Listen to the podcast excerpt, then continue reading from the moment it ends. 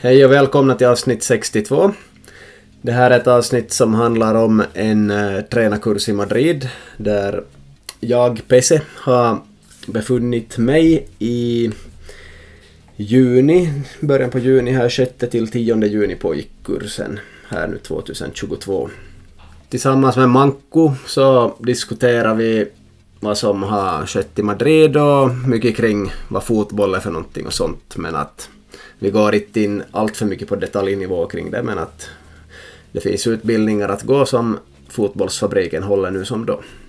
Det här avsnittet består av fem minuter inledning där Manko faktiskt är ute och går och vi har varierad ljudkvalitet men sen kommer han sig in i en bil småningom och det är då Madrid-avsnittet börjar så vi har riktigt bra ljud sen på själva avsnittet. Jag vill tacka alla samarbetspartners som hjälpt till att förverkliga den här resan till Madrid. Förutom jag själv och min fotbollsklubb så är det Andreas Knips hembageri, Trafikskola Rönn, Foto Airaksinen och Selmas som reagerar ganska snabbt med att komma in och stödja en sån här resa. Och även Sunergy. Så ta emot det här avsnittet med öppet sinne. Lycka till!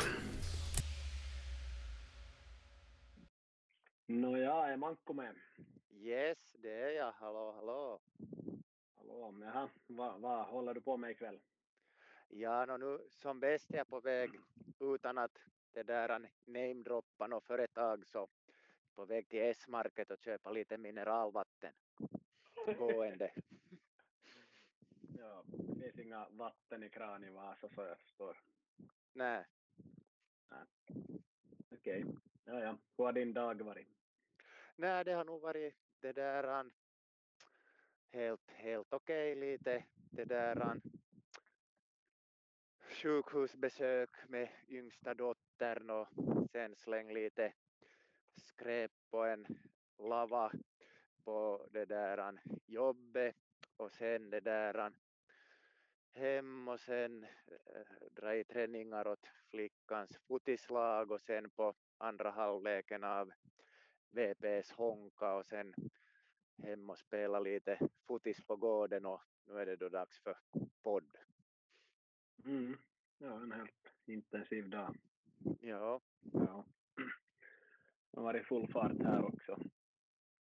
Lite hemmabestyr och ett möte kring någon liten sån här incident från en match mot EPS här nyligen. Vi hade ett möte kring med dem. Sen ett sjukhusbesök, en somalier som är i dåligt skick. Som är lite på 20 år så var där och besökt honom med laget. Och sen kvällsträning så jag var ju på MTV 8 redo för podd där vid nio tiden. Ja. Så en dag med mycket på schemat. Fått använda alla, alla tre språk som vanligt mycket igång här. Mm. Hur har juni månad varit då? Nej, no det, det, det känns nog som att juni har det där flugit iväg det där att inte, inte skulle man tro att det är midsommar redan att det är nog det där om inte full fart så åtminstone halvfart minst hela tiden med lite allt möjligt så hur är det själv? Mm. Ja, juni har flugit iväg. Jag var nio dagar och rest bland de här 22 första. Men att ja, nu har jag gått ganska, ganska snabbt men jag har också hunnit ta ganska lugnt. Så både och. Det känns bra. Mycket kvar av sommaren. Ja. Jag kanske kör igång nu då på fredag här med lite värmebölja. Ja, det ska ju vara nu här till midsommar riktigt, riktigt varmt och sen också en bit in i nästa vecka så att det blir, blir fina pipor. Ja, där kanske en 26 grader och, mm. och kallare. ja. ja. Nej men fint, vi ska köra igång dagens podd här just som handlar mycket om min Madridresa här. Se om vi hinner med något annat också. Ja. Okej, Manko har kommit sig in, eller hem i alla fall, och vi ska nu gå in på Madrid här då. Visst. Ja, jag tycker att, att det börjar, det har väl nog frågats en del det där om innehåll och upplevelser och så vidare via fotbollsfabrikens kanaler, eller har jag fel? Det har varit mycket trafik, ja. Och jag har inte haft så mycket tid att svara heller tidigare, men jag har ju gett massa uppdateringar om allt möjligt. Men att, jag tänkte kanske gå in lite mer i detalj på saker och ting och vissa har kanske inte följt Instagram-konto men här på podden så då får det ju allting här. Inte allt, men att mycket mer än förr i alla fall. Så, till att börja med eh, kommer inte ihåg när jag anmälde mig, men det är flera månader sedan och en chans att få på det här och kosta ett par tusen euro budget för att genomföra hela grejen på mitt sätt så är ju no, inte 3000 euro men inte så långt ifrån. Så var det att fundera lite kring pengar och så var det att fundera kring att lämna familjen över en veckas tid och sådär. Jag fick nog allting löst fast jag inte hade trott att det skulle fixa sig. Så, så allt löste sig ganska tidigt så jag som suttit och gjort lite studerande timmar här hemma, suttit och studerat sådana grejer som är bra att kunna som förkunskaper, repetera mycket och sånt och förberett mig på massa olika sätt för att få funka. För man är inte så bra balans då man har så små barn och sover dåligt hela tiden. Och sånt. Men att som lärare är man ju ledig i juni, eller hur Manko? Ja, ja, förutom något klassrum som lite ska plockas, men, men sådär ledig från under... Ja. Åtminstone. Någonting ska kastas i någon lava. Våra kyllä, kyllä. lyssnare får veta att det är stor öppen container. Ja. ja. ja. Uh, jag skulle till Madrid så fanns det två alternativ att man kommer dit på måndag morgon och kursen börjar på måndag eller så kommer man tidigare och förbereder sig mycket. Så vad tror du jag valde där? Ja, no, eftersom jag vet eh, svaret så, men jag skulle nog också ha gissat på att du skulle ta, ta dig en, en vecka, tio dagar innan på att bekanta dig och klimatisera dig. ja, om jag skulle vara singel skulle jag säkert ha gjort så. Ja. Nej, men jag, jag kom dit på lördag kväll och eh, han snabbt kolla igenom hotellet lite sådär och gick och sov i god tid. Så hade hela söndagen framför mig då och eh, sov hyfsat bra i alla fall, lite bättre än sova här hemma. Sen problem har man då man har små barn som man är dålig på att sova då man får sova också men kanske fick en sex, sex och en halv timme där. Sömn och så morgonlänk, gym, Eh, taggad att få se vad Madrid går ut på. Vädret toppen förstås. Nu var det bara 15-16 grader på min morgonlänk som var tidig, men sen, sen blev vädret bra. Så man kör ju ganska snabbt så uh, man får ju som uppleva Madrid och se vad, det, vad är staden för något, vad är det för folk, allting liksom sånt här. Så då såg jag till att ta mig med en hotellbuss till tunnelbanan man åker tunnelbana får man se ganska mycket av en stad, liksom den här kärnan, att hur, hur rör de sig, hur, hur fungerar människorna och, och så vidare. Nå, först då jag kom till den här maskinen där man ska köpa biljetter så fast det nog fanns någon sorts engelska så jag var ju totalt borta. Så på de här tunnelbanevägarna och biljetter och allting där var supersvårt. Men jag hade en kontakt i Madrid faktiskt så jag träffade en som jobbar i Trondheim, som var från Spanien, som kunde norska, som satt bredvid mig på planet. Så jag hade hans uppgifter så jag ringde ett videosamtal åt honom och så visade jag kartan och maskin och allting där och så berättade han vad jag skulle köpa för biljetter. Allting och så köpte det och så klarade jag mig, lista ut allt och laddade ner en app om metron och så där. Så det var egentligen superenkelt. Jag skulle säga tio gånger enklare än att röra sig i London skulle jag säga ändå. Ja, du, är, du, hade inte för, du hade inte förberett dig ändå på, på det där? Nej, inte på metron faktiskt. Med lokaltrafiken och, och Nej, just det. Ja, nej, till motsats till mig då vi var till Seinejoki i söndags det där, och vi for med, med tåg och sen så sprang vi så vi hann med deras lokala Lilliputti-tåg ut till Dod som par och då hade jag minutschema gått igenom kvällen före så man visste vilken gata går det från och så vidare. Så nej, men eh, liten parentes. Ja. Superhäftigt, ja. Nej, jag har nog satt mig in i staden men inte metron för det var någon som hade tänkt fråga mig fram bara men det fanns ingen personal att fråga överhuvudtaget. Nåja, men jag körde med gröna linjen in mot Gran Via. Det var typ 12 stopp och Gran Via är som centrum så kom man upp där efter typ 40 minuter i mörkret och hade varit ganska kallt på min morgonlänk, 15-16 grader och i Finland hade det varit kallt så kom man upp, solen var högt upp på himlen, det var jag vet inte hur varmt, 25 kanske i det skedet. Kom som upp, allt bara lyst av solen, det var hur mycket folk som helst, grymt stora byggnader. Alltså. Det var som att komma ut till en dröm efter att man har suttit här i Corona-Finland i tre år. ja. Det var, det var sjukt bra. Uh, I Madrid den dagen så gick jag, vad var det, var det 24 kilometer som jag gick. Ja, gick och gick och gick. Och hur många gick steg? och Hur många steg? Uh, ja, jag minns inte. Många. Ja, nej, det var inte som det där, det var på stafettkarnevalen så var det en bekant som jag träffade som var femte gången vid samma växling och så frågade jag att om, om det blev stegrekord och lite sådär att ja, att har du, har du sluppit upp mot kom lokala infjärdsraggaren förbi här så jag måste paus lite. Äh, det kanske hördes så, så att ja, att kom du upp igen 30-40 tusen steg då och idag och är det nytt rekord så sa han att nej, att jag fick nog över 100 000 då jag sprang mellan Jeppis och Vasa. Voi huhu. det var lite betakaliber på handkargen. Kaliber, ja. Ja, ja. ja. Även över 40 000 kanske. Jag har inte haft något mer än tre gånger i livet tror jag. Um, hur som helst, superhäftig stad. fanns mycket allt möjligt där. Tog säkert en 80 bilder. Hela, hela tiden hittar man något mer som man vill se. Och det fanns en marknad som var säkert tre kilometer lång där. Jag tänkte att den här tar ju aldrig slut, men jag gick den till slut och kollade. Och människor hur mycket som helst överallt och så här.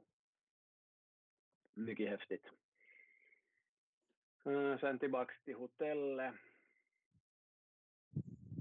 Tog metron tillbaks och så hotellbussen hämtade en en viss tid där.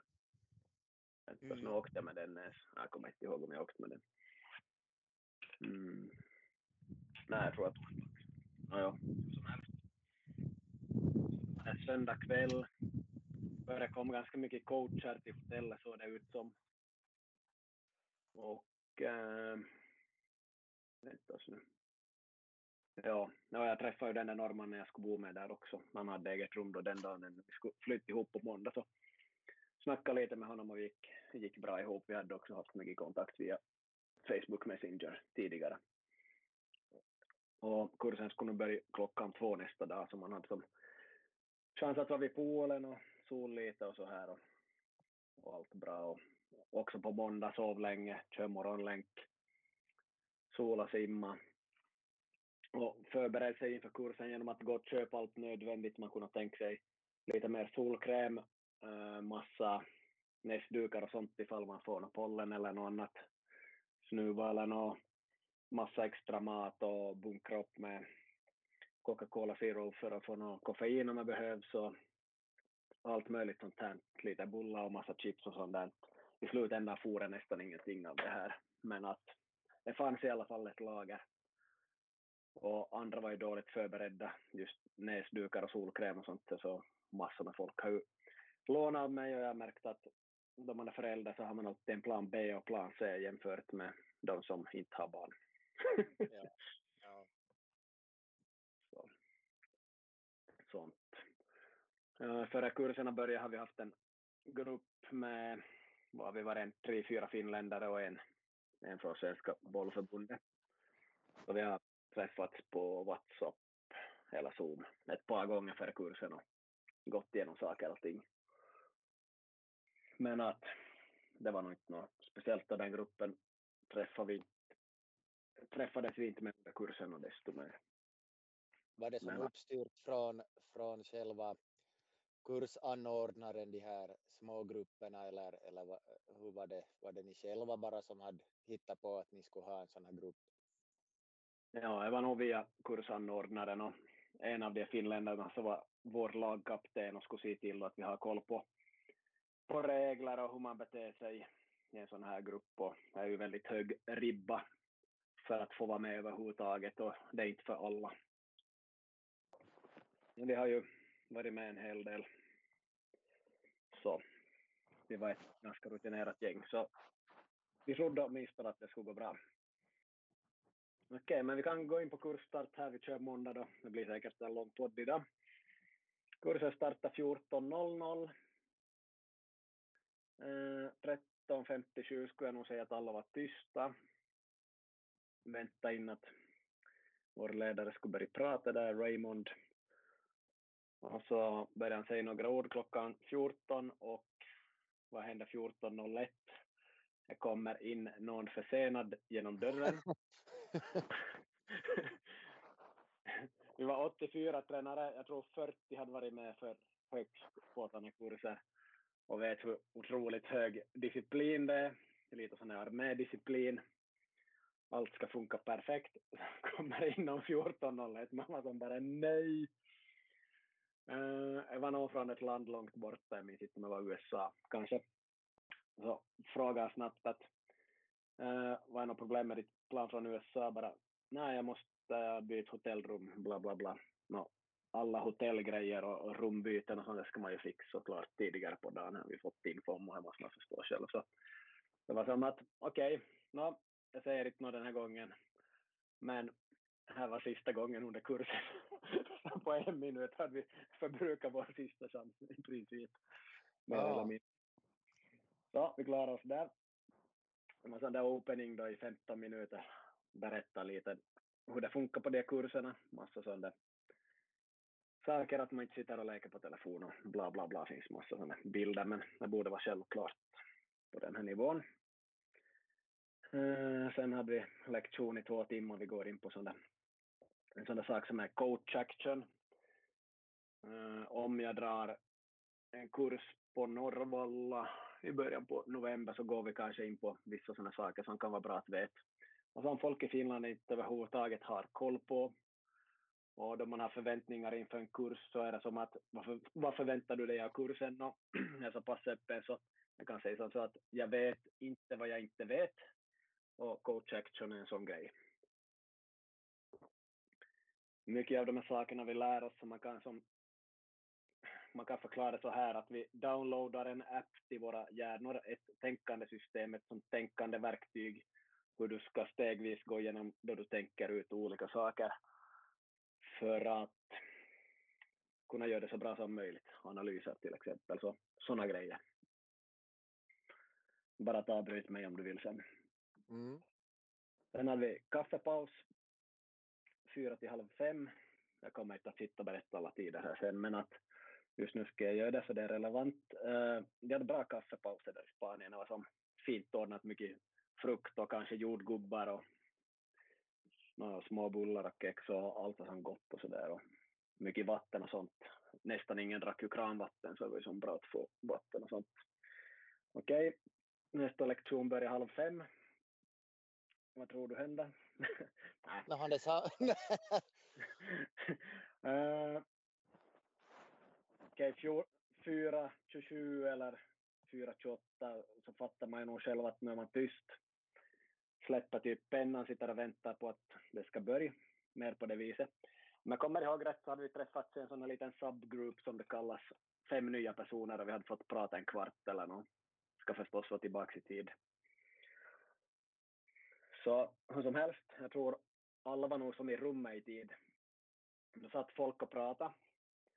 Så började ledaren gå sakta framåt mot tavlan eller det stället där jag ska stå Det var som ett sorl i rummet. Folk pratar och pratar och pratar och pratar inte så högt, men i alla fall klockan blir säkert 14.31 och kanske 14.32. Och det är ju katastrof. Så jag minns inte exakt vad han sa, men att jag tänkte att, eh, eller jag vet att man måste gå in och hjälpa gruppen om man har varit med förr, så jag sträckte upp handen och säkert den där sa på måndag, men sa att, att uh, vi måste respektera tiden och två minuter före avtalad tid så måste vi alla hålla käft, sa jag. så 80 personer. We should everybody shut up. Så det är så. Mm. Det kom många ryggdunkar och tack för det här sen, där senare på dagen. Så då ska vi ha en eh, föreläsning två timmar om hur man löser problem bakvägen. Vi har lärt oss hur man skulle göra med det här tänkande verktyget. Och nu ska vi lära oss hur man gör det bakvägen för att lösa problem ibland också. Alltså, helt sjuka grejer inom tänkande och hjärnan. Det, här, det, det är allting vi gjorde hela måndagen har egentligen med hjärnan att göra, så det är en liten, liten koppling till fotboll. Så Eh, typ sådana grejer vi gjorde. Vi hade ännu en två timmars sådan lektion där på kvällen som handlar om mycket sånt. Och en middag däremellan som var helt bra. Det är som måndagen i ett stort paket. Så här. Okej, det där jag lite då jag det där förberedde mig inför den här uh, det här poddavsnittet och då och den här din husgud Verheyen skulle avtalas så tänkte jag att jag hör lite på, på några no poddar och, och, så hittade jag den här eh, Olof Lunds podd från 2015 då han intervjuade Verheyen. Jag vet inte om du har hört på den? Ja, jag har nog hört det avsnittet. Ja, så att det var ju det där ganska, ganska mycket liknande med de här, de här sakerna och Olof Lund var ju också väldigt det där imponerad av den här disciplinen och, och hur rakt på sak han var. Och eh, då var det också just det här med telefonerna och så här och, och, och, då var det ju det att han, han ville, ville uh, visa att om man, om man ska kräva av, av sina spelare det där disciplin och uppmärksamhet så måste man själv också kunna visa det. Och att, att, att det är det där en av de här orsakerna till att han gör som han gör och att också i föräldraskapet så det där kanske barnen gör mera som man gör och tar det där modell från det än att de gör som man säger. Uh, håller du med om att det här stämmer in i hans resonemang eller är jag helt ute och cyklar? Ja, du har nog helt rätt. Yes. Ja, så att då var han föregår ett gott exempel. Ja, det är det, det han vill, vill då att, att utmana ens tänkande då att att, det där, att då kan ju nog också en spelare genomskåda en om man, om man inte det där följer sina egna regler så att det är nog en, en sån här pedagogisk sak. Jag minns inte hur det var där i Stockholm då, så då hade den här Olof Lund nog varit och fingrat på sin telefon, men, men att han blev, fick nog inte någon desto större reprimand. Hur var det med med folket där på, på kursen, kunde de hålla fingrarna bort från telefonerna eller, eller jag hör, var det någon som, som blev till och med utkastad? Mm, telefonerna var inget problem, men en ganska hög ribba på kursen. Alltså. Jag vet inte, uh, en viss tystnadsplikt har man som inom, inom de här ramarna här också. Jag vet inte, har du hört några rykten eller? Men jag hörde att det var någon som, som ganska snabbt skulle ha blivit, blivit utkastad. Jag vet inte varifrån, varifrån jag hörde, hörde det. Ja, um, kursen började två och um, vad tog det? Tre timmar 45 minuter innan första åkte ut. Jaha, vad hade den gjort då? Ehm, jag har inte, med, jag har inte så mycket med telefoner och sånt uppförande att göra. Det är nog mer att äh, ribban är för låg på själva personens tänkande och förhandskunskaper och, och då den börjar ställa frågor och vill ställa sin fråga, vilket man inte får göra hur som helst och inte besvara frågor och tillsägelser som kommer tillbaka så, så i något skede så är det nog bara att packa ihop sina saker och gå ut. Och då det här händer så vet jag att, att ledaren kommer inte att liksom tvinga ut personen utan det slutar alltid med att jag fortsätter inte före du har gått ut. Så då, och ingen vill ju lämna en kurs efter cirka tre timmar. Så då blir det ju en konflikt där den sitter och funderar och frågar öppet i luften vad den ska göra och dylikt. Så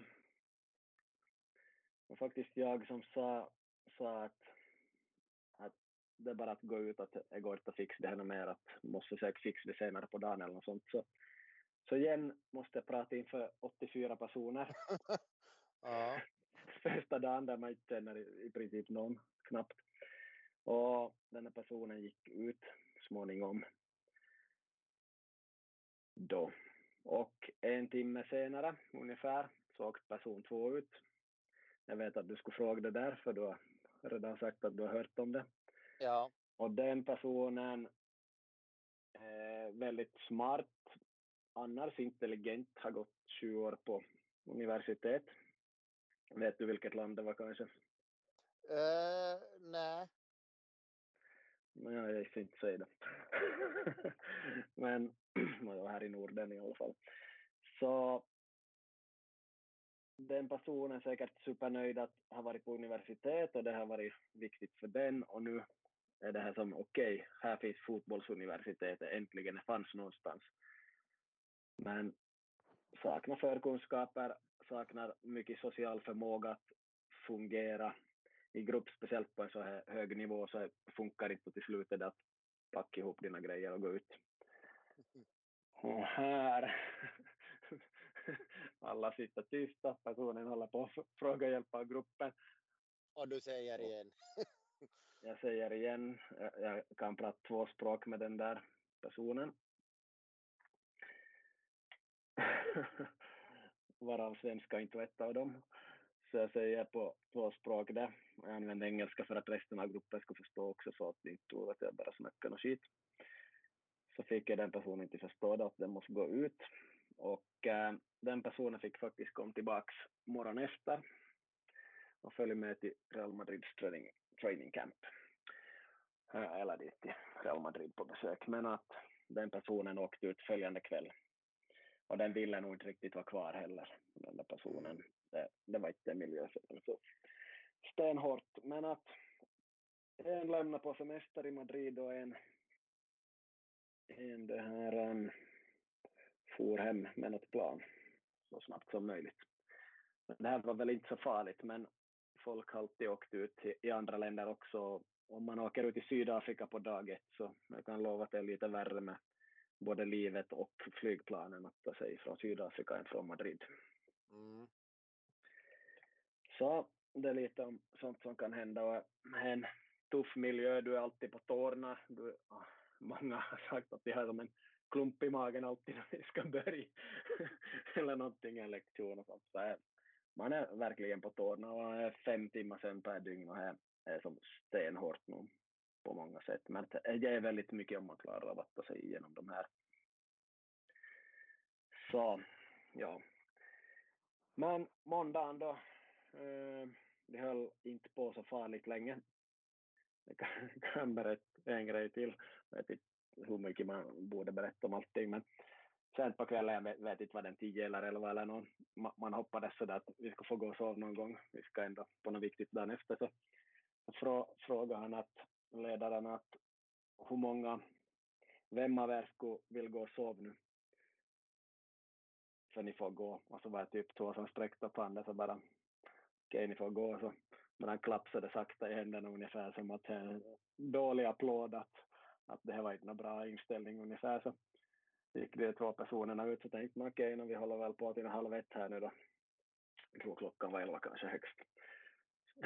När de hade gått ut och slutat klappa så sa han okej, okay, vi ses imorgon bitti klockan åtta i reception, då får vi med buss. Tack och godnatt. Ja. Två har som trott att de typ har svikit gänget men alla andra slutar och sånt samma tid. Ja. Så, jag använder en massa psykologi på olika sätt men som vi ska lära oss en massa av sådana olika saker och plockar man ut det ur kontexten och sånt så tror man ju att, eller så tror ju andra människor kanske att att vi är helt sjuka i huvudet, att det är lite som i finska armén där äldre mobbar yngre och allt möjligt sånt. Men det, det är inte på det viset, det är som bara en tuff miljö och proffsfotbollen är ju stenhård. Så, sådant vi förbereds inför en tuff miljö. Ja. Yes. Okej, okay. ska vi lämna måndagen? ja, no, jag börjar, ja, det börjar nog vara dags för tisdagen nu kanske. Ja. Vart, vart var det ni skulle då? Var det Real Madrid eller? Det var Real Madrid, ja. ja. Uh, kan ju säga snabbt bara att skulle sova, sov med norrmannen som var supertrevlig, 23 år tror jag han var. Ben över på min säng där man sov som en dubbelsäng ändå, de spanska tecknen helt hopplös som vanligt. Och, ja, vad sov jag? Fem och en halv timme kanske. Det duger för mig och körde en morgonlänk istället så jag inte skulle på hotellet och störa någon. Och så, där, så. så jag var ju pigg och vaken där på morgonen. Och så där. Så frukost typ nu sån där sjutiden och så var vi redo i reception där vid åtta tiden alla var på plats. Då fick vi den där boken också på morgonen där just före vi skulle fara. Så hoppade vi bussen och for mot Real Madrid. Visste inte hur mycket man skulle förvänta sig där. Och jag skulle kunna vara ett helt eget podcastavsnitt att fara dit, men vi ska ju sammanfatta lite och jag har ju berättat lite åt dig tidigare också. Men att, ja, vad tänker du då du tänker på Real Madrid så här snabbtänkt utan? Ja, ja no, jag vet ju inte för det första just att, att ja, no, det, det har jag ju på klart åtminstone att då under, under coronan så spelar Real Madrid sina hemmamatcher på stadion vid träningsanläggningen, var det så? Det kan hända.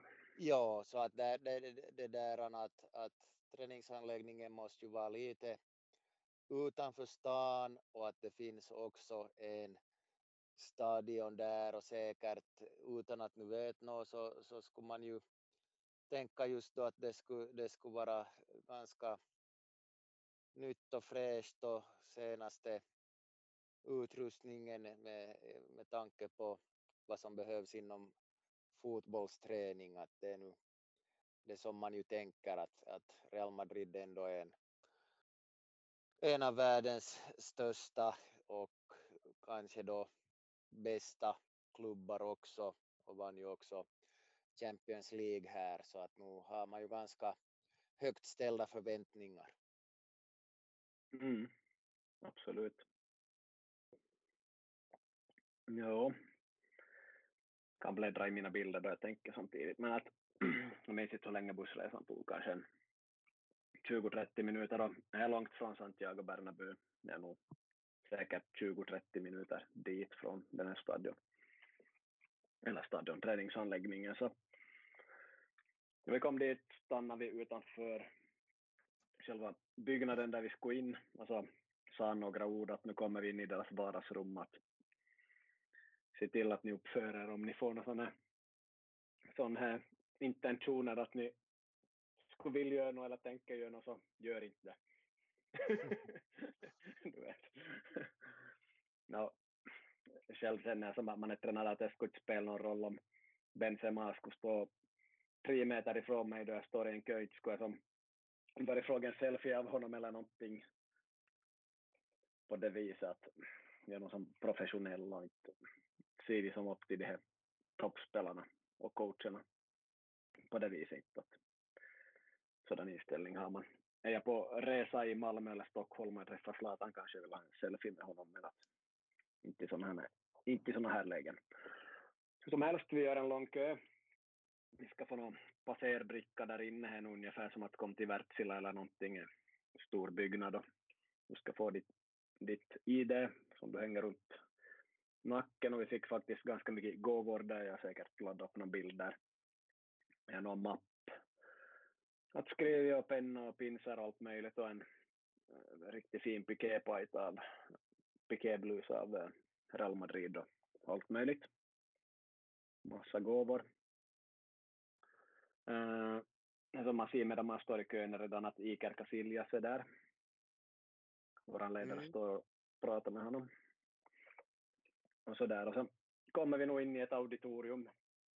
Supersnyggt, grymt stor TV.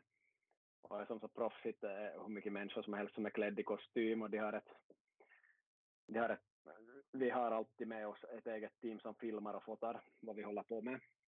Alla våra lektioner är filmade från början till slut. Och egen fotograf har vi också, men, men de hade också en som filmade allt som pågick.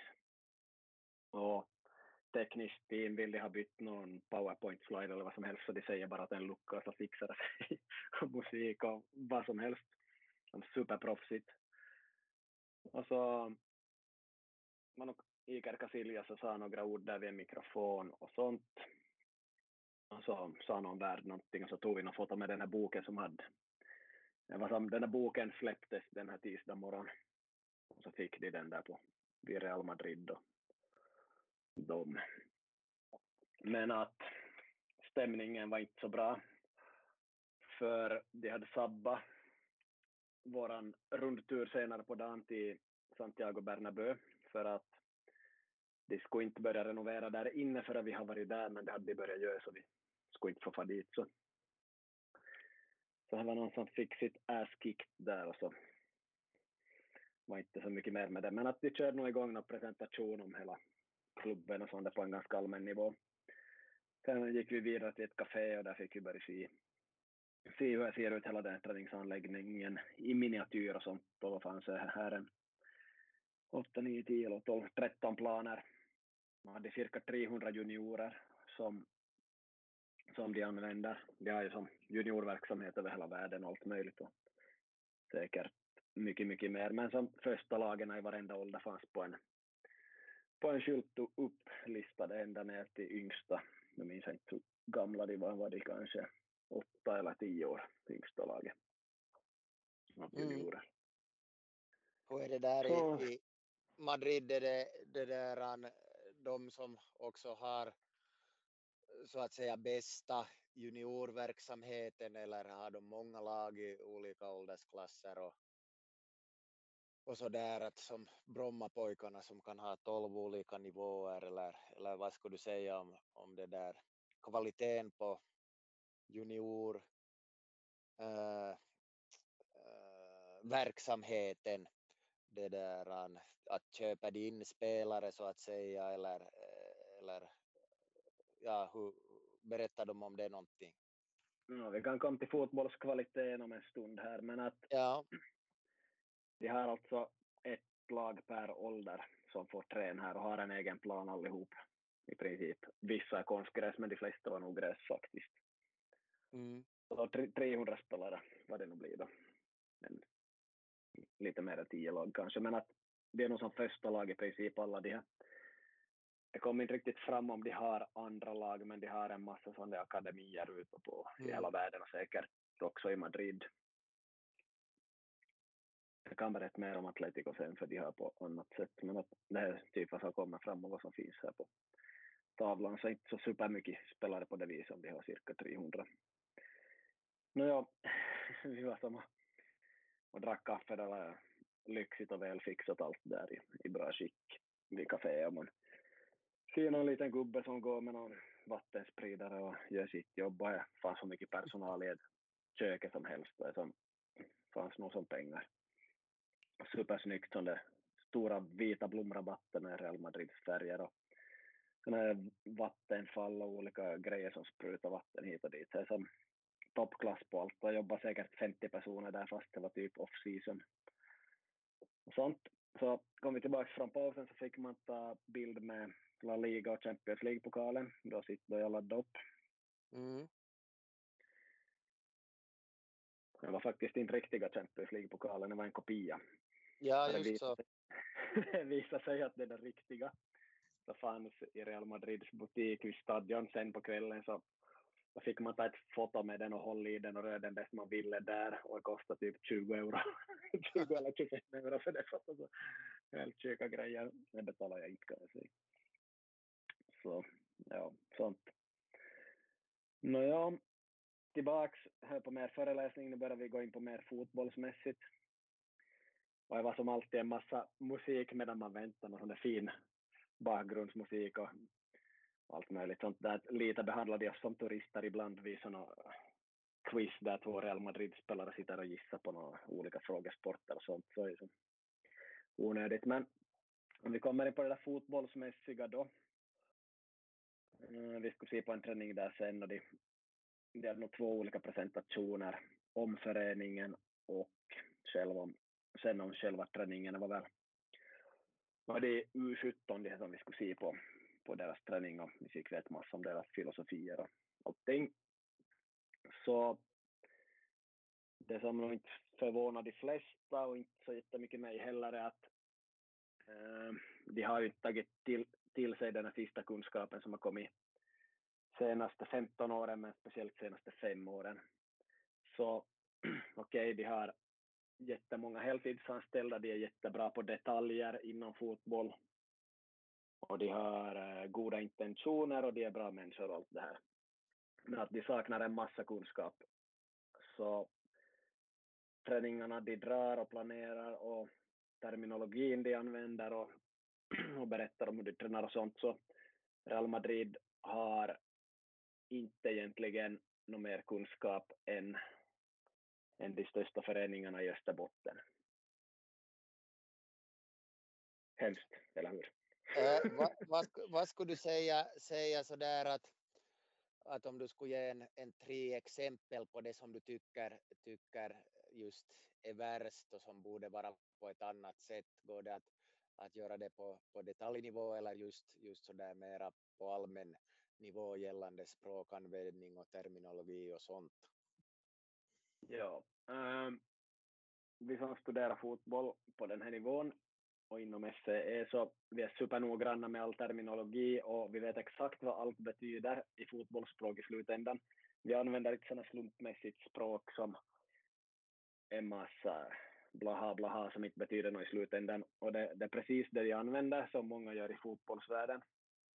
Och de pratar ofta på en sån här nivå om hur de gör, men det är ganska ointressant eftersom det här vad är samma för alla fotbollsspelare och själva det här hur, det kan man göra på en miljon olika sätt och det är inte det som är så superintressant i slutändan. Men om man ser på den här badnivån så de vet inte exakt vad man ska träna och de har en massa fina termer. De har världens häftigaste powerpoint där det droppar in tio pilar av en färg och så droppar det in tio pilar av en annan färg och så använder de 30 ord varav vi kanske skulle godkänna fem av de där orden och då har de misstolkat dem som det är som, är som ett kaos. Och vem har gjort allt det här eh, som olika människor inom Madrid och så visar de något sånt där program där de söker fram några artiklar på någonting så får de 200 träffar och så har de läst, kollat igenom 197 av de där artiklarna och så har de plockat ut någonting inom ett tema då av sån där forskning och sånt. Men det har inte blivit något bra, det kan man konstatera. Så terminologin och det att forska det har som inte blivit bra. Ligger en 10-15 år bakåt i tiden eller åtminstone fem år.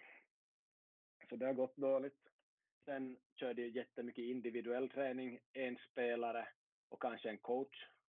Så ska spelaren göra en massa med bollen eller sån där isolerad träning, vilket vi vet att är absolut onödigt att göra på föreningsnivå. Klart att det är bra om någon barn far till plan och sparkar fotboll ensam jämfört med att sitta och spela Playstation kanske, men att det finns betydligt bättre sätt att utvecklas. Och sen också hur de tränar med laget. De använder massa övningar som är absolut eh, ringer stora, stora varningsklockor kring nästan alla övningar och allting de berättar om för att de, de saknar så otroligt många detaljer och isolerar spelarna och gör saker. De vill uppnå A men de tränar på B eller C eller D. Så en sån så låg nivå. Och vi har människor som är på så hög nivå så vi måste som när vi ställer frågor måste vi vara väldigt så här vänliga och försiktiga fast alla, alla åhörare, alla vi vet precis att de är helt ute och surfar i sina svar och sånt här. Och vi måste bara typ vara tyst och så står någon av oss där och frågar och så frågar någon till mer frågor, frågor, frågor, frågor. Sätter dem mer och mer i pisse och de har som inte det svaret så de måste bara som hitta på någonting och så börjar de gå, gå runt och visa med kroppen. Ja men då gör man så här och så slår man en bredsidan här så pressar man så springer man tillbaka, det är som helt ut och surfa tyvärr. så katastrof och den här träning, träningen vi såg på för U17 så finns ingenting att ta med sig därifrån överhuvudtaget på 90 minuter. Deras sista träning inför sista matchen. Det finns ingenting, inte en sak att ta med sig från hela träningen i princip. Ja, tror du att det var, det var visste, visste den här eh, äh, Verheyen om att det såg ut på det här sättet och var det just som det där äh, just att han visste att det kommer att bli på det här sättet att ni upplever att ni är på en högre nivå än hela Real Madrids verksamhet eller blev det lite som en överraskning för honom också eller kan du kommentera det någonting? Um, det är så här överallt. De var i Chelsea två veckor innan, precis samma sak. Ja. Så ytterst få klubbar som har ordning. Man kan ju tänka sig att Brighton skulle ha en del ordning eftersom Graham Potter har gått mycket av de kurserna tidigare, men jag vet inte hur pass uppdaterad han är i slutändan nu. Men att... Så ingen överraskning för honom, lite för oss. Nej. Att det var, ja. att det var pass mycket, men att jag tror att har varit ganska bra på fotboll, de kan jättemycket om fotboll på detaljnivå och sånt här, men att nej, ingen bra helhet. Eh, vi gick runt och såg på, på alla anläggningar då jättefint där de första laget brukar bo ifall de bor där på anläggningen och tränar och massa olika gräsplaner, vissa var i dåligt skick och ska bytas någonting och några var konstgräs och de flesta var gräs. Och fin natur och superstort område där vi går med guider. Det var säkert 33 grader varmt. Guiderna går i svart kostym. vi går i short och kortärmad. Mm. Så här och, och ställa alla möjliga frågor och finns sådana internatliknande och sådana där juniorer bor och de har fina byggnader med någon balkong och stolar och sånt. Och den här receptionen är ju som helt super, super stor. Där finns inte ens några konstgräsplaner ja, inte vet jag vad man skulle jämföra med. Men större än Fenja Arena och de har inte ens någon konstgräsplan där och så har de en till sån byggnad också. ja, det finns som resurser allt men att allt är fint och allt, här mycket musik och här mycket kameror och här mycket kostymer och allting men att fotbollen var ju inte, inte alls toppklass. Så nu, nu kan man som lära sig saker av, av deras miljö och allting där och allt sånt där. Så massa proffsigt med allt, men att fotbollen var tyvärr inte på någon hög nivå. Vi for via Santiago Bernabéu, gick runt den ett varv, tog och foton, försökte hitta en väg in, men det var nog bara till shoppen vi kom oss in. Så det blev inte något av det. Ja, tisdagen i ett nötskal i stort sett. Vi, vi gick ju igenom lite grann i grupper och så presenterade vi riktigt, riktigt kort någonting där på kvällen om, om katastrofbesöket, men det var ju nog ganska väntat. Ja, så många som lyssnar nu är säkert ganska sådär chockade. Är det några frågor som lämnar och ger sig i huvudet? Nej, det är nog jag skulle vilja, vilja just att du skulle, du skulle beskriva vilken, men vi kan ta det i ett senare avsnitt, jag på dig här hela tiden med det där att, att om du skulle ge något exempel just på vilka övningar de gjorde det där. Alltså. Nu, kan, nu kan jag säga någon. Ja, till exempel med målvakterna så äh, målvakten var inte så bra på fånga inlägg så de höll på att sköta en massa inlägg som de skulle fånga då. Nåja, men problemet i matchen dagen efter att de ska fånga de där bollarna kommer ju kanske att finns någon spelare framför honom, möjligen. Det fanns det aldrig. Stod jag över tillslag i någon triangel där tre målvakter hur länge som helst också. Att vad är som det? finns inga motståndare, finns ingen utmaning just allt möjligt sånt där så är, mm. är under vår nivå i alla fall, bara för att nämna målvakter. Och körde i rondo där och tränaren är med och spelar och klart man kan ha kul och skapa filis men det är inte riktigt värdigt att köra en massa rondo och sånt där i en sån hög klubb man ska som gör saker ordentligt och speciellt om man sitter 80 tränare och ser på på läktaren och tränaren hoppar in och det är kaos och det är dålig attityd och vissa ens spottar in sitt tuggummi på plan eller spottar och sparkar in på plan i ett de talar om sin fina miljö och att de har solpaneler och allt möjligt. så hade folk som beter sig på det viset i typ världens främsta klubb. Så, så, de har nog en del att förbättra där, men det har vi ju inte sagt åt dem. Nej. Och äh, ja, men att ska alltså hålla, en, hålla ett läger är det tänkt i början första helgen i november ser det ut att kunna bli. Dit får kom tränare och spelare så ska vi göra en stor grej och, och lära ut massa fotboll jag och, och någon annan kanske som var med här på kursen och kanske någon idrottspsykolog och alla möjliga så, så man kan komma och lära sig, kan inte berätta allt i podden. Nej. Så tisdagen i stort sett sådär. Minns inte när vi gick och sov. Ganska sent tror jag, säkert tolv. Och vi skulle vara upp. Ja, vi, vi började åtta. Okej, då hade du åtta timmar på det att sova. Här var folk då, ja, Eh, en åkte ut från kursen först, sen en till och, och nu var ingen av dem kvar inför onsdag. Som helst, eh, vi hade haft en läxa, många läxor inför onsdagen som vi hade gjort före lägret och de som inte hade gjort det så det webbsystemet var så pass smart så det gick inte att fuska fast man kan syna videor så de vet om du har sett dem eller inte. Utan att berätta all teknik här nu. Så vissa måste väl sitta upp nästan hela natten och se dem på nytt om de inte hade gjort sin läxa där hemma. Hur som helst, onsdagen gick ut på att, att, äh, på att det fanns äh, folk som har gått en onlinekurs inom nio månader och de har gjort en massa presentationer av kända tränare som har varit ute och förändrat kultur i klubbar och sånt. Jag tror inte jag får ge så mycket detaljer om det så jag inte gör det men att uh, i stort sett hade ju satt så otroligt mycket tid för de här människorna sitter i olika delar av världen och har olika tidszoner och så hade till exempel finländare har kanske suttit från två, nej inte vet jag två men från 12 till 2 på natten i en massa Zoom-möten och sånt här och de har knep och knåpat ihop några powerpoint och sådär.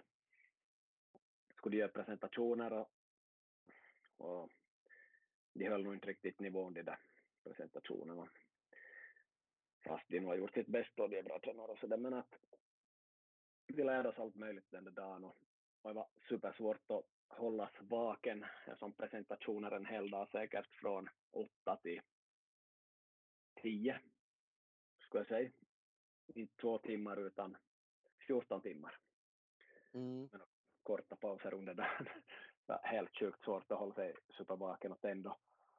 Så där man borde föra anteckningar hela tiden. Och I något skede tog de upp någon, han plockade upp en från publiken, alltså av oss som skulle sammanfatta det som en grupp just hade sagt. Han var helt, helt borta, det blev inte någonting. Så tog de en till och det blev knappt någonting heller. Och får vi lite utskällning kring det då. Man satt där bara att jag skulle det ha varit jag skulle ha gått helt åt skogen. Hade inte alls kunnat följa med senast 20 minuterna. Av olika orsaker. Trötthet plus att de där som presenterar inte kanske gjorde så jättebra heller. Ja. Svårt och så är det alla de där tänkande verktygen som gäller hela tiden som inte normala diskussioner utan de där tänkande verktygen är inblandade hela tiden. Så supertung onsdag. Jag var, man fick nog dåligt självförtroende på onsdag där. Hur som helst. ja, på kvällen hade vi då den här Arsenals före detta utvecklingschef som nyligen har slutat där och gått till att bli Hollands utvecklingschef. Eh, Marcel Lukasen, så han han är väldigt bra på detaljnivå då och visar massa filmklipp och vi tittar där på olika saker i filmklippen. Mycket detaljer. De som har gått mina, mina kurser, nej, inte bara mina kurser utan Annas kurser, så PMDs, Position, Moment, Direction, Speed, så mycket sådana detaljer så vi på. Vi börjar tio, eller vi skulle börja kanske åtta, men vi börjar tio eller halv elva eller elva hur som helst, så massa klipp, det var jättebra. Klockan blev tolv.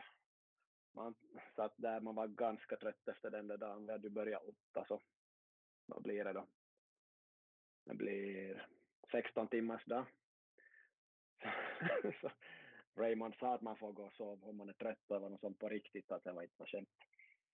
Så kämpade vi lite till. Uh, jag tror klockan var tio över tolv sa han att ja, vi, vi ska ju nog som till Atletico Madrid imorgon att om är någon som vill gå och sova och behöver sömn så får ni gå och sova. Och då, då sträckte jag faktiskt upp handen. Jag satt längst fram. Vi hade placerat 15 av oss längst fram med stolar vid skärmen framför där man egentligen satt, så vi satt superlångt fram för att se då sträckte jag upp handen och också någon annan. Och då gick vi över som inga problem med det. Jag frågade först att Marcel hur många slides har du kvar? Och han bara, ja, eh, eh, bara en till, ska inte se den sista? Men sa ja, han kanske skulle kunna göra med Raymond, så bara, nej, gå och sov. Gjorde det, jag och en eller två till. Så hade vi att han hade väl fem slides kvar minst med, med filmer, så hade det tagit till kvart för ett. Jag var så nöjd för jag gick till rummet, duscha snabbt, lagade mig färdig för sängen. Skulle just börja sova då. Det tog nästan 45 minuter ändå att få allt ur huvudet. Och då kom den norrmannen till rummet och sa att han hade fem filmer till och sådär. Så bara, ja, synd för er, du får, får gå och duscha nu om du vill. Nu ska jag sova så sov jag perfekt sex timmar eller något. Supernöjd.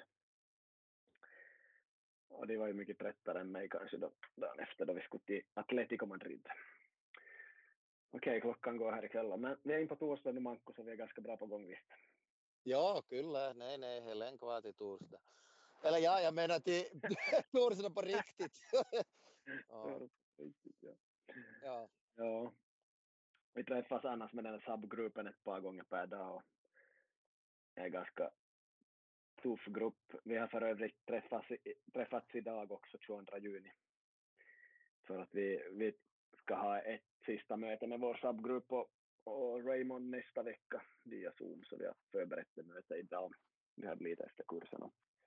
En tuff grupp. En, en är träningschef i Colombias största klubb, ansvarig för i princip hela klubben, men fotbollsmässigt så är superkunnig och ligger långt fram i sin process. Och, eh, de är andra från hela världen, från Guam och från Nottingham och från Kanada till exempel. Så superhäftiga människor, de har som vänner över hela världen hur mycket som helst.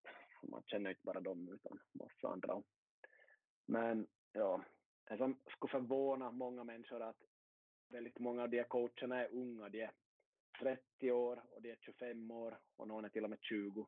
Men de som är 25 och 30 år så de jobbar heltid med fotboll och de är faktiskt duktiga de här som är från andra länder. Men också ser man på Sverige så de har bara FAB-licens många och de jobbar ändå heltid med fotboll i Stockholm i några klubbar som typ Enskede och liknande så det är ganska förvånande. Men de är ganska kunniga och bra förstås. Så det är som en parentes. Okej, ska vi dyka in i, i torsdagen? Ja, är det dags för en till sågning eller? Definitivt. ja, just så. Bra, bra. Ja, no, det Atletico Madrid. Vi får 7.50. 7.50 får vi iväg där och ganska låga förväntningar efter att man har träffat Real. Men man kunde tänka sig att okej, okay, här kanske är lite mindre pengar men lite bättre fotboll. Vi börjar med att gå den här Training Ground Tour, gå runt på träningsstadion där, vilket vi i vid Real Madrid gick vi det senare på dagen, så det var ganska bra att börja med det här. Många planer, nästan bara konstgräs, kanske två gräsplaner skulle jag gissa, om jag kommer rätt ihåg. Så här var det bara betong, det var som Real Madrid valt tipptopp supersnyggt. Och så där, här var det supermycket betong, det såg lite ut som att, ja lite som Elisa stadion men gråare. Är det möjligt? det var alltså bara betong nästan. Jag vet inte om du såg, men jag la upp någon bild på Hedvig Lindahls skåp där. No, det var bara skåpet kanske där som var rätt, men att det är som bara betong, alla väggar i korridorer och allt sånt Bara betong. Och små omklädningsrum, det har ju mycket dam och flicklag också. Så det skiljer ju. Äh, damernas stadion la jag upp någon bild på gräs är 95 procent gräs och 5 procent plast, så är det hybridlösning. Arsenal har ju haft något samma för länge sedan på Emirates Stadium. Um, så vi tog nog lite bilder där på den där rundvandringen och vi får inte använda telefoner annars men vi får göra undantag ibland. Nu kan ju gissa om det blev lite kaos där då. märkte att någon har varit på Instagram och någon har försökt ta en selfie där han är med i bild utan att fråga kaos. Det är alltid som vanligt, det som små skolpojkar mitt i allt fast vi ska vara proffsiga tränare. Så ja, no. föreläsning, vi är inne i ett betongrum. Det finns AC. No, tror du de får igång den? No, inte. För vi börjar i alla fall supervarm dag, säkert 33 eller något där ute och blir varmare och varmare i rummet. Fick vatten i alla fall så körde vi igång då. De berättar och presenterar allt möjligt och är ju superhäftigt. Jag har inte hunnit skriva av de här grejerna ännu, man fick inte använda telefon där så jag kan inte se så noga vad det var. Om jag försöker minnas så det är ju igen eh, supermycket grejer som poppar och hoppar in i powerpoint där och det är hur mycket ord som helst och är snyggt och är mycket färger och upplagt på ett snyggt sätt men det är ju just det som är, är fasaden bakom att de inte riktigt vet vad de håller på med även de här. Man ser inom videoklipp, de visar också en del spel och sånt här från sin akademi och då ser man ju att de spelar ju utanför linjen på träningar då bollen är utanför, till exempel om de spelar inom box fyra mot fyra och bollen är utanför så fortsätter de att spela eller något. Tyckte jag att jag såg där på morgonen. Nå, mm, jag sa inte om det, men de var ute och surfade med en massa grejer och, och vissa lärare började ställa frågor som de inte egentligen kan besvara. Som vanligt. Hemskt. Så hade vi en kaffepaus vid ett café helt snyggt där i samband med den där damernas stadion. Kom vi tillbaka föreläsning två och då var en lite viktigare person som drog det, som ändå hade, han var typ någon träningschef för, ja, typ någon U19 eller något det de är ofta unga de är människorna, de är som typ runt 30 eller 35. De är som inte så gamla. No, någon omställningschef så presenterar han en massa grejer och då vi ställer frågor märker han ju att han är ganska åt skogen en massa och de inte riktigt vet vad det betyder och, och det stämmer inte överens med riktiga fotbollen. då vi började lära dem att ställa frågor men vi, vi ställde de frågorna väldigt liksom schysst igen. Och Raymond var in med vår grupp där vi var halva gruppen i ett rum, halva ett. Så, så han steg upp och sa att vi ställer väldigt fina frågor på ett eh, respektfullt sätt och, och allt det här. Men att bla bla bla så måste man förtydliga nå, nå där. Okej. Okay. Till exempel de pratar om emotions, alltså känslor, att de kan, de kan som de jobbar med spelarnas känslor. Okej, okay, då vill någon veta, okej, okay, hur jobbar ni med känslor? Har ni någon övning eller något? Och då skulle du gärna se att de kan plocka fram någonting, men det, det som svaret var ungefär så här att ja, men att du vet att du vill på känslor och då kanske du har haft någon övning någon gång då du själva spelar och så plockar du in den och så kör du den på din träning. Du vet Manko, svaren var som på den här nivån. Mm. som what? what? ja, som ingenting, en massa fina ord, som bara ett exempel. Men eh, det betyder som inte i verkligheten och de hittar på vad som helst precis som som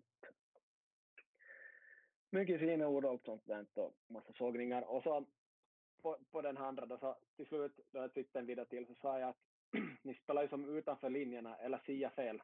Man vill ju som vara respektfull och är mycket människor i rummet och sådär. Att, att spela inte utanför linjerna, att, varför gör de det?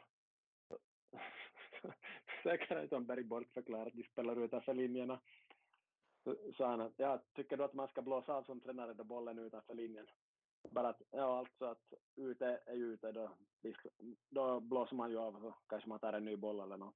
Ja, ja, okej, det är din åsikt. Så bara, mm, ja, det där åsikt är ju världens dummaste ord. Det handlar, handlar liksom inte om åsikt i fotboll nästan någonting alls. Det handlar om vad. Det är ju vad. Okej, vi har linjer i fotboll. Är bollen ut så är bollen ut. Och där stiger upp en, två, tre andra och påpekar det. Och han bara att ja, ja, jag tycker nog ni har rätt, men jag vill ändå försvara min första coach som har gjort det här och bla bla bla bla bla. en gång hade de två små mål i en enda och så går det förstås en mållinje mellan dem. Du vet, något sånt där fyra målspel. Mm. så har bollen farit bakom han det linjen mellan de två små målen. Så springer någon och, och plockar bollen och så kommer någon dit och pressar de liksom utanför plan och han har egen press ungefär som några åttaåringar gör här i grannbyn. Pressar utanför planen så kanske de kommer in med bollen och börjar spela vidare. Alltså på den nivån vet du i en klubb som Atletico Madrid, det är som huvudlöst. Och var det, var det U19 det där sa du? Nej, jag var inte U19 men typ någon 12 eller 14-åringar. Ja. eller. Okay. Det är som helt, helt, helt åt skogen. Så på den nivån. Uh, Ja, jag, hade, jag, hade ju jag sa ju att jag spelade, spelade match här på gården också med Ebba och hennes kusin och vi hade nog lite så där med linjen att det for i, for i det där äh, vinbärsbuskarna så ibland fortsatt vi och ibland inte. ja, ja. helt okej. så, ja. Spelare borde ju bli arga om bollen ut. Är den ut så är den ut. Vad skulle du säga om det där om, om det offside, offside i det där spel på träningarna och så då har man ju ibland hört det där att spelet till slut bara det där att man vad har du för åsikt i den frågan? Mm. Ja, här, vad har du för åsikt i den frågan kommer vi inte att använda sen på det där lägret. Men eh, jag, jag låter alltid då spel till slut i princip om jag vet att okej okay, nu kommer det typ att bli en passning och ett mål eller ett skott så att det som tar slut på frisekunder så då, då får de spela till slut och så kör vi frispark från offside-situationen. Men att är det en offside och man vet att okej okay, de kommer inte avsluta ännu på, på en lång stund för de hamnar ut mot flaggan en bit eller något så då, då bryter jag nog direkt. Ja, men det är ju din åsikt, det är ju inte fakta det. Det, det ja, det är inte fakta. Eller vad? Det är ju din åsikt att de får sitt ja, spel till slut. Ja. Och, och tar vi det här på en vadnivå så är det ju helt klart att det ska bryta spelet direkt och uh, offside-frisparken ska slås. Så det är ju så fotboll funkar. Ja, yes. Men din åsikt är att då kan man spela? Ja, ja jag brukar ja. en subjektiv nivå på det där Ja, viset. saken klar. Yep. Det är ju lite intressant det där just med att varför man för att det är ju nog i alla föreningar nästan som man har varit så har det ju nog varit så där att man spelar till slut och sen kör man, kör man på nytt. Man vill kanske inte ha det kinase då som kan bli att var det offside eller inte och just som du säger att om man ser att det, det blir ett anfall till slut så det där, det måste ju vara no, någonting sånt kanske. Ja. Jag har ett lag som tränar fem, sex dagar i veckan och, och är väldigt bra på att gör mål och sånt så då, då är det inte något viktigt att de kanske får spel till slut varje gång. Då skulle jag nog bryta oftare. Men man har ett amatörlag som gör ganska lite avslut och behöver de där Ja. avsluten. Så då kanske man då väljer att låta dem Ja, avsluta mycket. ja, Uh, hos Real Madrid var allt toppen. Vi fick mycket gåvor, vi fick bra lunch och middag och coffee breaks. Allt var perfekt. Så Atletico Madrid fick vi en vattenflaska, det fanns nätt och jämt något kex där om man riktigt sökt. fanns det några små kex att äta på coffeebreaken och vi är alltid hungriga för vi är under så stor press. Så det var uselt. Efter föreläsning två skulle Raymond och Marcel dra, dra en träning. De hade fått typ 26 spelare som skulle kunna engelska. Det visade sig att det lag som de skulle coacha så det var trial-spelare. Folk som var där på prov. De fick 11 sådana och så spelade de mot typ första laget i, vad det nu var, U18 eller något. Eller ett bra lag i alla fall. Så och de visste inte vad de hade fått och vad de mött. Så då de skulle köra igång sitt tema så det var ju svårt. Så, eller ja, klart det är svårt att möta ett bättre lag och köra igenom ett tema fast man får stoppa mycket och sådär. Och Marcel är väldigt schysst också på plan, vilket man inte behöver vara med spelare utan man kan vara ganska hård mot dem för att få ut det man vill.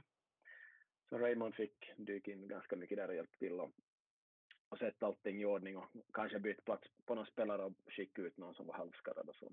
Så fick göra ett hårt jobb men förstås ett superbra resultat, ett grymt imponerande resultat på typ 75 minuter Det var 35 grader varmt dessutom.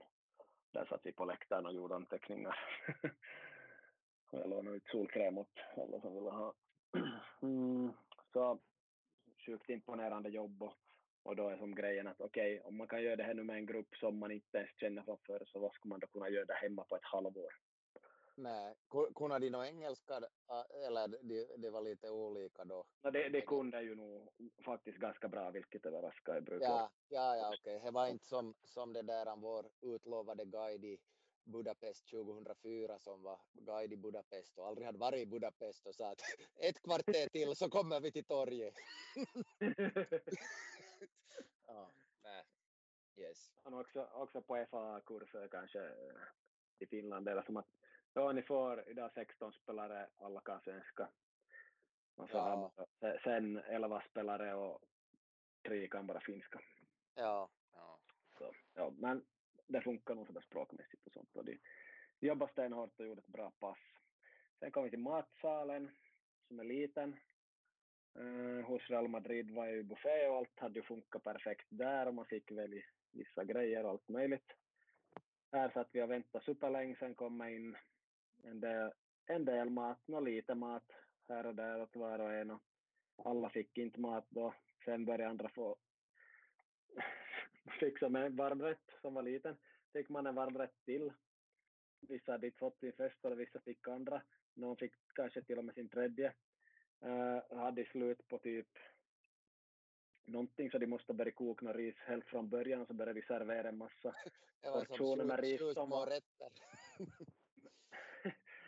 serverris som var bara halvfärdigt så det slutade med att vi leder bordet där också satt flera spelare så de, de, de kunde i princip inte äta någonting där så helt katastrof med maten hos Atletico. Och så att jag laddade upp 60 eller säkert 80 sådana efterrätter som såg ganska okej okay ut och, och, jag hade nog fått ganska okej okay mat men de där efterrätterna åt inte vi utan vi, vi stack därifrån. På den nivån. Vi, vi var färdiga med vårt och de kunde inte leverera maten. Katastrof på det viset. Så allt funkar inte alltid som det borde. Sen var vi till Vanda Metropolitano, till stadion. Den var där nära om jag minns rätt. Så därifrån har jag laddat upp allt möjligt. En fin och imponerande stadion. Och vi fick ju vara in på mycket ställen där inte andra får vara in. Men det var nog ganska sådär turistrundtur ändå. Så ja, inte vet jag. En fin stadion. Uh, just där vi vid ingången hade ett sånt där rum där man fått testa en massa fina kikare, 3D-bilder som vi har skapat från 1960 och sen slutet på 90-talet och massa sånt där viktigt. Och så hade jag massa sånt där VR-glasögon man kan sitta och se en massa häftigt sådär in i någon match eller vad som helst. Så superhäftiga sådana museumgrejer, mycket från förr i världen och sånt, men att inte hade vi nog tid att vara turister hur länge som helst, så inte blev det så mycket av det där, men att jepp, så sen får vi tillbaka och analysera någonting där vid, vid hotellet och så får vi tillbaka till stadion för en sån här kvällsmiddag, ganska skön torsdag på det viset att mycket bort och gör mycket roligt. Middagen var toppen, bästa jag ätit i ett spanskt land någon gång, typ. Man stod fest och åt och drack, det ingick allting, vi hade, det är nog som alkoholfritt läger, definitivt och kurs, men att det ingick vissa grejer som kursen hade betalat för i misstag, om man säger som så. Inom ramarna för att klara av kursen fick man ju nog dricka någonting annat än vatten så att säga också. Hur som helst så man stod stod med flera från Polen och massa länder och hade bra diskussioner och man lärde känna många av de 80 personerna. kom massa tapas, de kom och bjöd hela tiden så man bara plockade och åt och stod där och sådär. Till slut satt man när vid bordet efter kanske 40 minuter, då hade man ätit massa olika tapas och då kom det som en häftig sån här räksoppa och sen kom en varmrätt med chips och kyckling. Och så kom någon häftig efterrätt som jag inte alls kommer ihåg vad det var för någon, men det var nog bra. Så det var mycket imponerande kväll, mycket bra kväll. Mellan typ åtta och halv elva var vi där. Sen fick vi faktiskt få hem och sova. Så hade vi bara fredagen kvar. Ja, det var som någon sorts avslutningsmiddag då, om det slutar då mitt på, mitt på dagen på fredagen, kursen eller? Ja, man kan säga lite så. Så torsdagen var nog nästan för bra för att vara sann man tänker på hur tuff onsdagen var. Och måndagen var ju nog tuff också, en chock alltid att komma igång med de kurserna. Fredagen, eh, vi började, vi skulle börja åtta, jag tror vi började halv åtta. Det var, de som skulle till USA måste ta något covid-test och sånt så de måste fast tidigare till flyget sen, så vi, vi körde igång lite tidigare. Uh, sysslar mycket med sådana methodological steps ja, i anfalls och försvarsspel. Kan väl säga metodiska steg eller så här. Jag hittar bästa svenska orden för de här grejerna. Stegvis man utvecklar an, anfallstaktiska principer och defensiva principer. Så mycket sånt svårt att hänga med på. Det som vi har gått igenom på måndag var inte så lätt. Jag sitter ännu och kämpar här hemma med att få en full förståelse på nördnivå. När du kan någonting superbra så då ska du som kunna förklara det åt någon annan också. Då vet du vad, vad det handlar om. Så de måndagsgrejerna har man inte helt på hundra, inte helt hundra på koll. Inte jag i alla fall, och inte många andra heller. Så på fredag då det bygger på det och så kommer det in mycket nytt så igen självförtroende ganska lågt och man är trött och slut av allt och så här. Så ganska tufft, två, två timmars lektioner där men kaffepaus emellan och sen, sen lunch efteråt. Men att helt bra. Man var sådär att okej, okay, det räcker nog nu. De fem dagarna var tunga och tuffa och mycket nytt har kommit in och här hemma hos mig som sitter och går igenom nu och överför från pappa till dator och, och in sig och tänka igenom och börja läsa den där boken sen någon gång i höst och, och så vidare och så vidare så att man får ut så mycket som möjligt av det. Allting för annars försvinner. Vi har ju stenkoll på vad hjärnan gör och inte så. ett hårt jobb. Men e- efter, att, efter lunchen så var vi som fria från kursen då. Många tränare var kvar på hotellet och de som Eh, bara drack vatten på torsdag kväll, vilket många hade som princip, så de, de kanske drack någonting annat än vatten då sen kursen var slut. Det var, det var lagen bra filis på hotellet, det var 35 grader i skuggan säkert och folk simmade och solade och satt och tog det lugnt i baren, och, eller bara bar, men det fanns stolar med parasoll mycket där ute och sånt. Att hotellmaten var överlag dålig fast det var ett fyrstjärnigt hotell, ett bra, ganska bra hotell, men överlag dålig mat Förutom alla kart. Men att bra filis och vissa får hem då på lördag morgon, men jag hade hela lördagen att vara i Madrid, så jag var med Västerås sportchef var jag hela dagen i, eller ja, nästan hela dagen där i Madrid.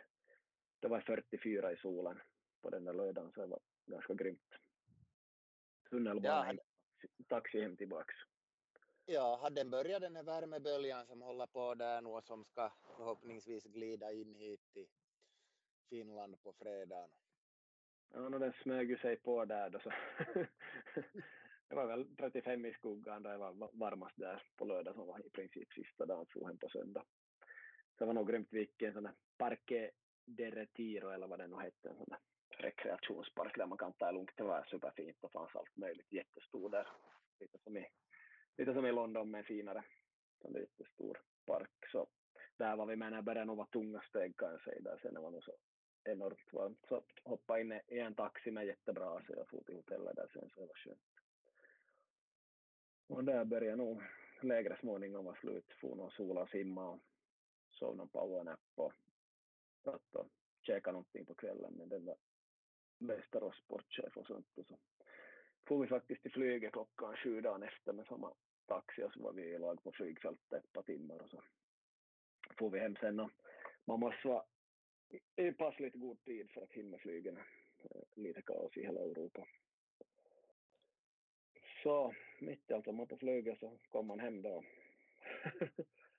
Bara pratade videosamtal på morgonen och vid morgonlänk med familjen och småbarnen och Så har man ju haft mycket tid och hård press på sig. Så ganska, ganska tungt psykiskt. Jag har aldrig varit ifrån dem förr desto mer. Så. Mycket som var tungt, men det har gått bra för dem och det är väl huvudsaken. så, i princip hela denna veckan sammanfattad. Sen lämnar det säkert mycket frågetecken för många och mycket de skulle vilja fråga. Så det, man kan nog gå igenom i något annat forum än i podden också vissa saker.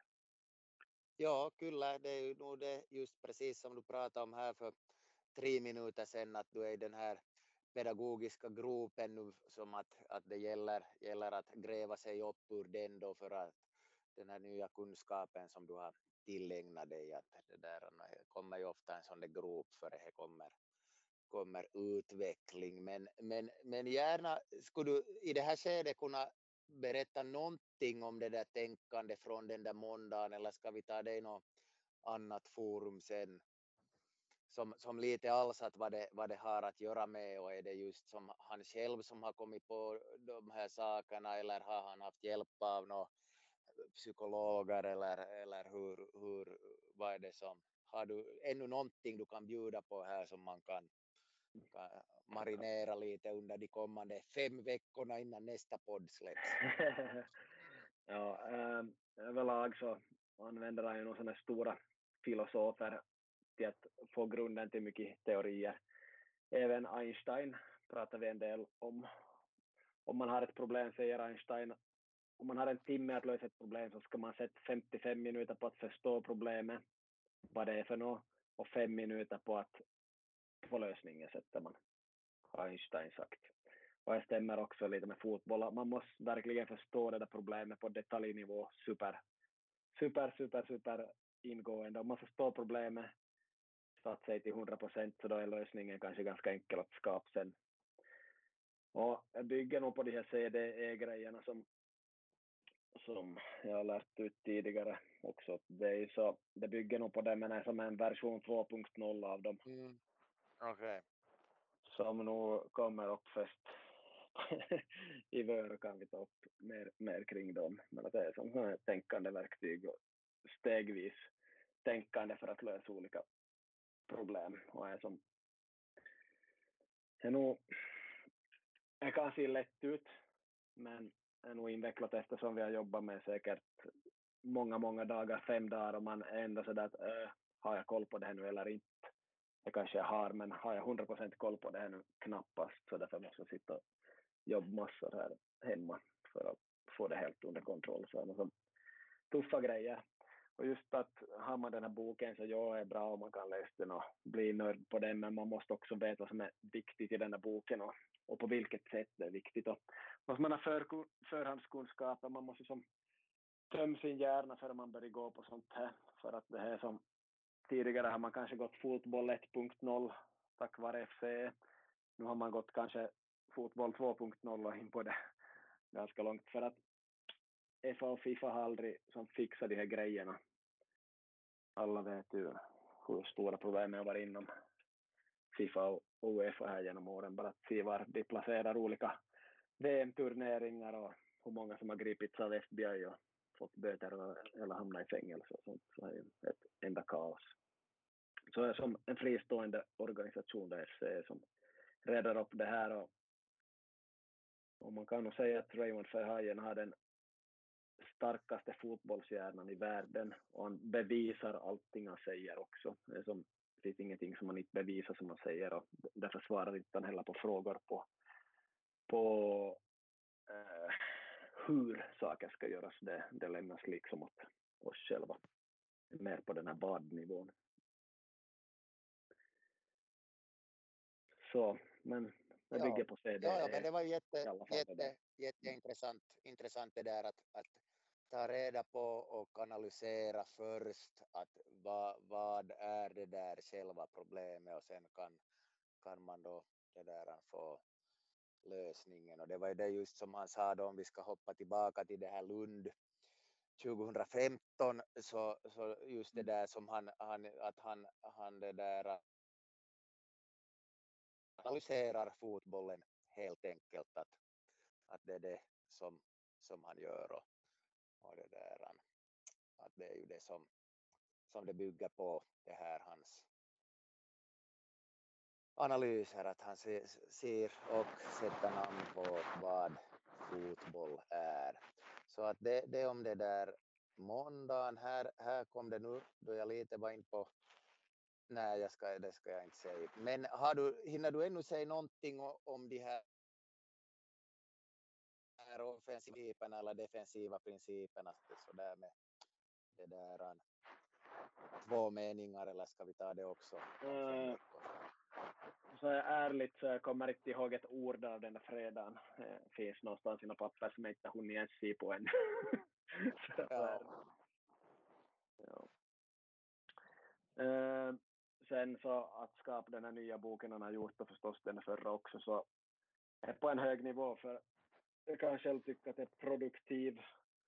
Jag är en människa som jobbar supermycket med min utveckling och jag kan nörda ner mig i teorier och sånt men att gör jag någonting bra så, så att skapa en sån här bok så är som, är som tio eller hundra gånger över min nivå så är som helt grymt bara att hur det är som en stark hjärna som har laddat ner hur mycket referenser som helst till genom åren och, och, och bara på en på, på den högsta nivån, liksom det som är sanningen och byggt vidare och vidare och vidare och haft hjälp av mycket andra filosofer och de här holländarna har ju varit bra genom åren och andra holländare har skrivit bra böcker genom åren. Och, så Holland är nog ett himla bra fotbollsland måste man ju säga.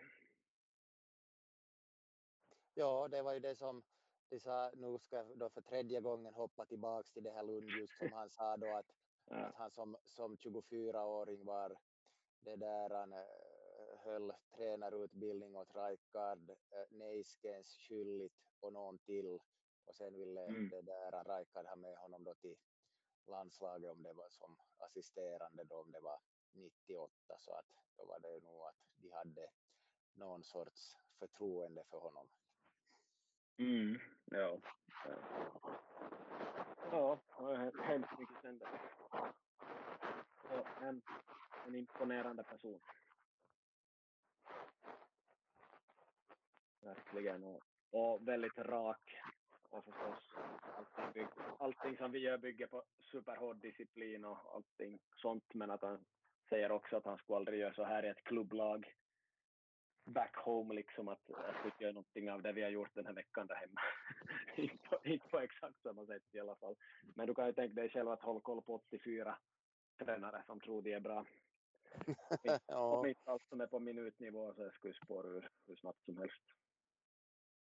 Krävs det en hård disciplin. Folk från hela världen dessutom. Folk från Sydkorea, folk från Sydafrika, folk från Kanada, folk från USA, folk från Norden, folk från Mellaneuropa. Ja, folk från äh, Polen, folk från Serbien. Det är ju som tänk vilket kaos. Folk från Indien. Sätt alla de där i ett rum. ja, eh, det är ganska tufft. Yes. Någonting mer ännu eller? Nej, nog jag, jag det där, väntar med spänning på de här defensiva och offensiva principerna och periodiseringen kring det. Mm, absolut. I Vöra om inte annat. Ja, just det. Sikta på att få dit 30 spelare och 20 tränare. Varav 11 kan svenska. Ja. I alla fall 40 hotellplatser har jag bokat preliminärt här till första helgen i januari. Nej, första helgen i november. Jag vet ännu inte om datum är perfekt, men det verkar nog vara perfekt, så vi ska se. Så Mankos kalender är bokad. Ja, jag vet, ja nej, han slutar i det där oktober min kalender. Okej, okay, okej. Okay. Okej, okay, men jag hoppas liksom de som har lyssnat har fått ut något av det här avsnittet och kanske lite underhållning, eh, en hel del teori. Vad är fotboll egentligen? Någonting ditåt kanske man kan förstå eller att eh, svaren inte är så självklara. Och är ju ofta att man vet inte vad man inte vet. Men att eh, det finns som inte den korrekta utbildningen så är det bara att få i Finland, men vi kommer att hålla i Norrvalla och ta upp många bra grejer så och, och vi är inte något superdyra eller någonting, vi, vi gör det billigt så är nog bara att kom dit och lär sig en massa om man är intresserad av det här. Och vad mer skulle jag säga? Uh, ja, som saker vi nämnt första dagen redan att skulle du ställa den här frågan på en pro-kurs, alltså pro-kursen i ett land, vad är coachaktion för någonting så tar de, vi har inget svar på den grejen fast den är superviktig inom fotboll till exempel. Så ingen i hela rummet skulle veta, inte handledaren heller. Så så. fotbollen är underutvecklad i förbunden och vi vet ju vad det beror på, det Uefa och Fifa och så vidare. Så, så där är det. Och jag har ju sökt svar på, på de frågorna sen jag var 23, mer och mer svar inom fotboll. Minns det jag var tränare i Vasa IFK, satt jag med träningschefen på kansli. Jag var inne en timme i veckan, han satt och jobbade på datorn. Jag satt och bara ställde frågor om fotboll hela tiden och fick en massa svar och, och lärde mig lite vart efter där och, och byggde på det.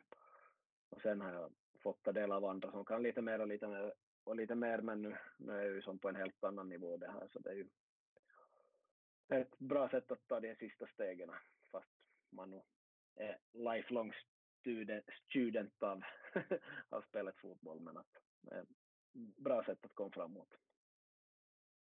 Mm. Yes, klockan har hunnit bli kvart över tolv så vi är sent ute ikväll. Ja, vi, ska vi det där, kan vi lova, lova något pris om det är någon som lyssnar hela avsnittet i ett streck eller? ja, en Coca-Cola Zero från mig. Ja, kyllä, så då får ni skicka in det där fotbollsfabrikens grundare det. Ja, skicka på PM på Instagram så får vi se vem som är först. Kyllä. Yes. Eh, det var avsnitt 62. Vi säger tack och hej. Tack och godnatt.